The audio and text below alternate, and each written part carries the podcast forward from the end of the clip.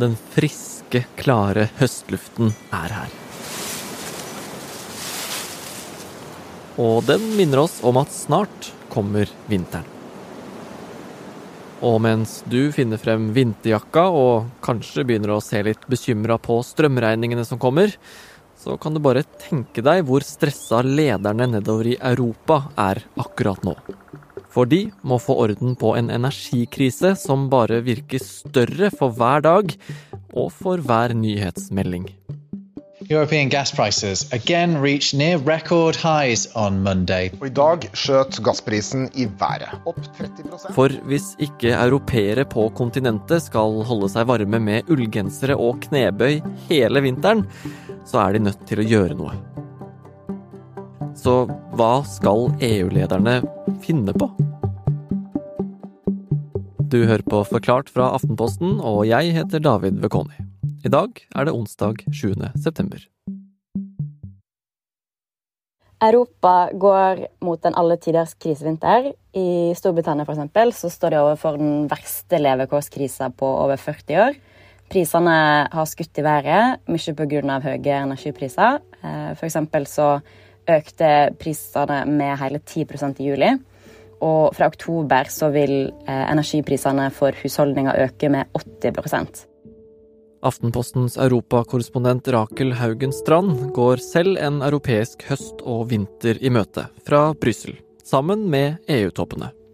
Energimarkedet i Europa er i fullstendig krise nå, og det fryktes at Europa kan gå fem til ti grusomme vintre i møte om det ikke gjøres noe nå. Ti grusomme vintre? Hvorfor så lenge? Ti år er det verst tenkelige scenarioet, men det å lykkes med energisparing, energieffektivisering og utbygging av nok grønn energi og tilhørende infrastruktur er ikke gjort over natta. Mm. Men hvor ille er det egentlig det kan gå, da? Folk i Europa snakker om at de må velge mellom å sulte eller fryse i vinter. Um, og det er, for det er nemlig ikke bare strømregningene som skyter været, det er òg prisene på, på, mat og på andre varer som løper om kapp. Så de færreste EU-landene har like sjenerøse støttepakker som det Norge har. Det fryktes at mange ikke vil ha nok strøm og gass til vinteren. Noe som betyr at man kan få rasjonering, at bedrifter må stenge ned, og at det i verste fall kan bli strømbrudd flere plasser i Europa. Altså Når de må velge mellom å sulte eller fryse, så risikerer man det at veldig mange husholdninger skyves ut i det som kalles energifattigdom. Eh, altså at det meste av lønningene deres går til å måtte betale strømregninger. Og man risikerer at flere blir heimløse, og at det rett og slett er sånn at mange vil fryse i hjel. Og vi vil nok òg se mer politisk uro. Flere vil ta til gatene og demonstrere. Og det burde bekymre europeiske statsledere. Energiprisene har vært ekstremt høye i hele Europa over lang tid allerede. Og mange har kanskje fått med seg at en viktig grunn er gassprisen. Den var allerede på vei opp før krigen i Ukraina, og etter at Putin invaderte, så steg den kraftig. Siden sommeren så har kurven gått bratt oppover, og nå, i løpet av de siste par ukene, så er vondt blitt verre. Og Roar Valderhaug, økonomijournalist i Aftenposten E24. Hva er det som gjør at energiprisene skyter i været akkurat nå? Akkurat nå så er årsaken at den klart viktigste gassrørledningen fra Russland til Europa er stengt. Det er Nord Stream 1-ledningen som går til Tyskland. Den var nede for vedlikehold, skulle egentlig åpnes igjen i helgen, men nå eh, sier russerne at det dessverre ikke går, fordi eh, det er oppdaget en oljelekkasje fra en gassrørledning, av alle ting. Og nå var jo prisene allerede så høye, og det begynner å bli ganske krise i Europa. Så hva gjør vi?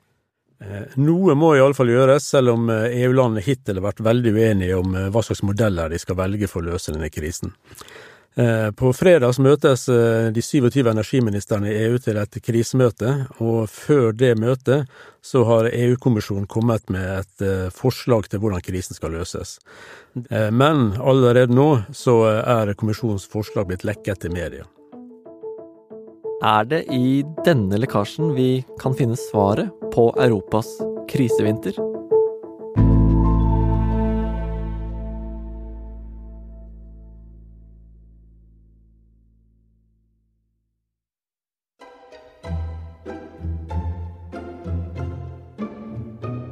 Ok, Roar. Russland skulle egentlig åpne krana igjen og levere gass til Europa gjennom Nord Stream 1, men plutselig holdt de den stengt litt lenger, midt i en kritisk situasjon for Europa. Det høres jo nesten for vondt ut til å være sant. Er det tilfeldig? Det er det iallfall svært få i Vesten som tror at dette er tilfeldig. Eh, vitsemakere på Twitter skriver jo til og med at eh, russerne melder at Nord Stream 1 har falt ut av et vindu. Med andre ord, de drar referanser til de russiske oligarkene som da eh, skal ha falt ut gjennom vinduet i den siste tiden. Mer sannsynlig, mener iallfall eh, de eh, fleste i Vesten, er at russerne nå bokstavelig talt strammer skruen. De driver nå en regelrett energikrig mot EU. Hvilket selvfølgelig er rasjonelt sett fra russisk side. Det er protester i mange europeiske land nå mot de høye strøm- og gassprisene. Og eh, russerne vet at hvis de klarer å få til enda mer uro, så kan det føre til en eh, Etter en knallhard vinter så kan det føre til at EU vil kanskje vil legge press på Ukraina igjen. For å gjøre hva da? For å få til eh, en eller annen form for avtale som russerne da kanskje kan godta. Russerne må imidlertid skylde på noe. De kan ikke bare stoppe leveransene til, til sine vestlige avtalepartnere uten å ha en grunn. Og Det de da skylder på, er at de vestlige sanksjonene mot Russland gjør at det blir veldig vanskelig å få inn det nødvendige utstyret som skal til for å reparere denne angivelige oljelekkasjen i gassrørledningen. Men hvor krise er egentlig det her? Altså, Hvor avhengig er Europa av russisk gass? Dette er så full krise som du kan få det. Eh, gassen brukes bl.a. til direkte til oppvarming av millioner av europeiske hjem. Og de høye gassprisene fører også da til veldig høye strømpriser. Hvis du er som meg, så lurer du kanskje også på hvorfor det automatisk er sånn at når gassprisen er høy, så er strømprisen høy. Så her kommer det en kort forklaring. For i motsetning til her hjemme, hvor vi bruker vannkraft til å lage strøm, så bruker mange europeiske land mye gass. I europeiske gasskraftverk brennes store mengder naturgass sammen med luft for å drive svære turbiner rundt, som igjen lager elektrisitet strøm. Så i stedet for vann som faller ned fra et fjell og driver den turbinen, så er det varm gass som gjør det.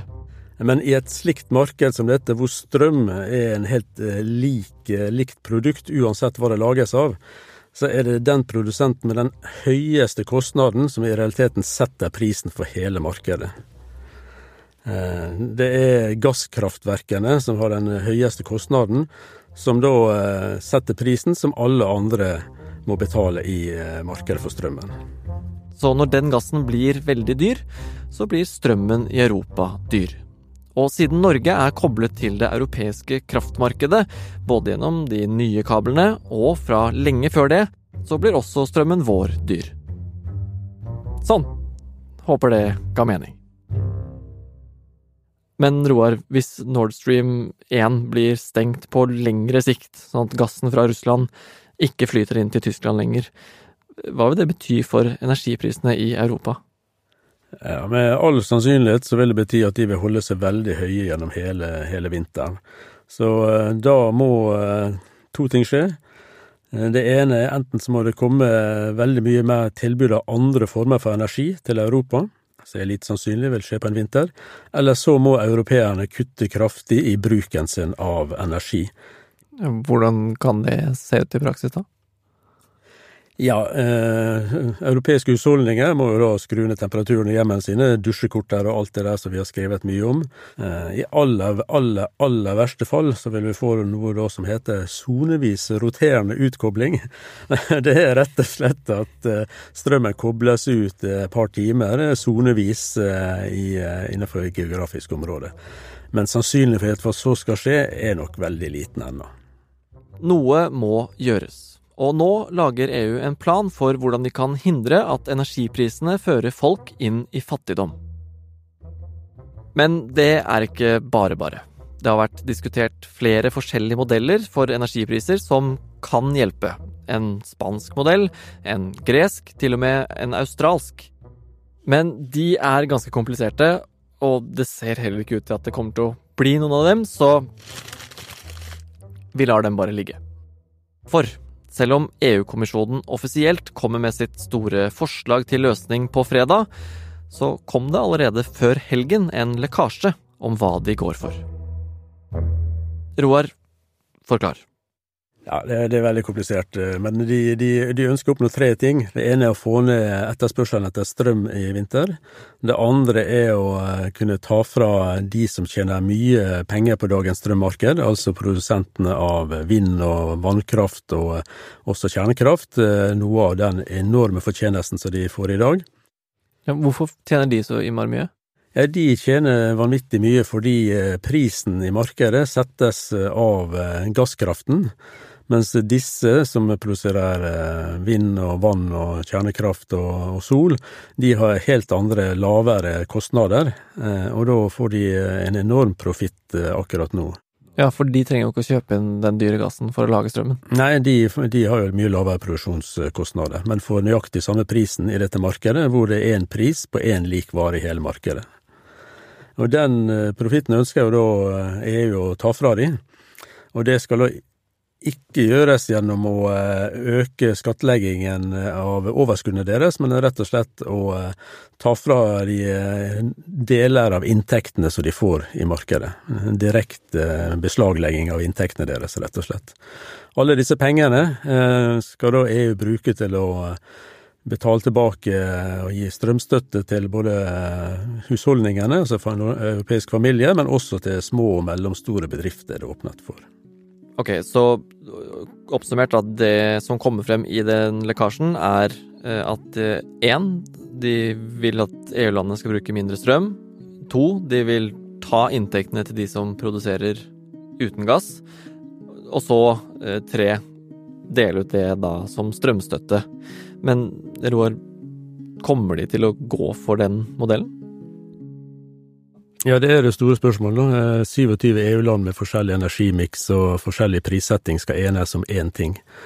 Eh, I tillegg til de andre modellene som eh, sikkert er noe mer blitt uaktuelle, så er det nå i aller siste liten, ifølge Financial Times, det har kommet inn nye forslag som handler om å sette et pristak på russisk gass, det lille som fortsatt importeres, og også sette pristak på, på gass i de ulike markedene. Og det siste forslaget ser ut som det er en del forskjellig fra det som var i dette lekkede arbeidsnotatet. Så hva de ender opp med på fredag, er akkurat nå helt umulig å si. Det som vi kan si, er at EU må gjøre noe. Noe må de gjøre, for nå er det så stor uro i de ulike europeiske landene at eh, lederne for EU er tvunget til å ta tak, vise handlekraft og gjøre et eller annet for å få ned strømkostnadene for folk flest. Men kommer de til å klare å fikse det, da? Kan man bare løse en energikrise? På lang sikt så er det to måter å få ned prisen i, på, på, kraft på. Det ene er å øke tilbudet av andre typer kraft enn den dyre gasskraften. Da snakker vi altså om mer fornybar, øke, ikke legge ned kjernekraften sånn som tyskerne planlegger. Eller å redusere etterspørselen, redusere forbruket. Og eh, det siste kan jo vi bli tvunget til i vinter, på den ene eller andre måten. Og hvis det funker, da, hva kommer det i så fall til å ha å si for oss i Norge? Vi, vi er jo ikke med i EU. Hvis EU eh, e lykkes med å få ned etterspørselen etter gass, så vil jo det dra gassprisen ned og føre til lavere eksportinntekt for Norge som nasjon. Det er jo ikke så bra for oss eh, isolert sett. Men hvis EU lykkes med å få ned etterspørselen etter strøm, så vil det dra ned strømprisen i Europa og gi klart lavere strømpriser for strømkundene i Sør-Norge. Hvilket jeg tror de fleste som hører på denne sendingen vil synes er veldig positivt.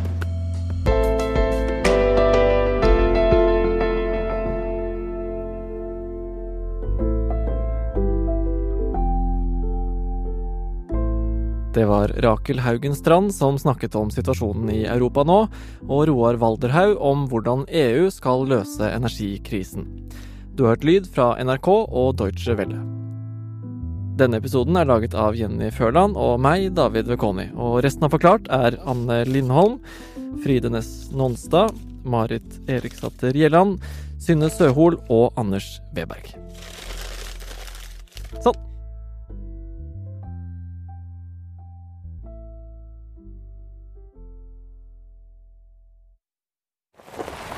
En familie på fire dro til Danmark. Bare to av dem kom hjem. Har du en pappa? Det har ikke jeg. Podkastserien Overgangen fra Aftenposten er en historie om å lære seg å overleve, og om hvordan sorg kan oppføre seg på helt ulike måter. Julie er jo drivkraften min. Med henne så kan jeg jo ikke gi opp. Nå er de to første episodene ute. Jeg eh, er 100% sikker på at det ikke var noe signal. Søk opp podkasten Fortalt i Podme eller i Aftenposten-appen. Du kan også bare google Overgangen.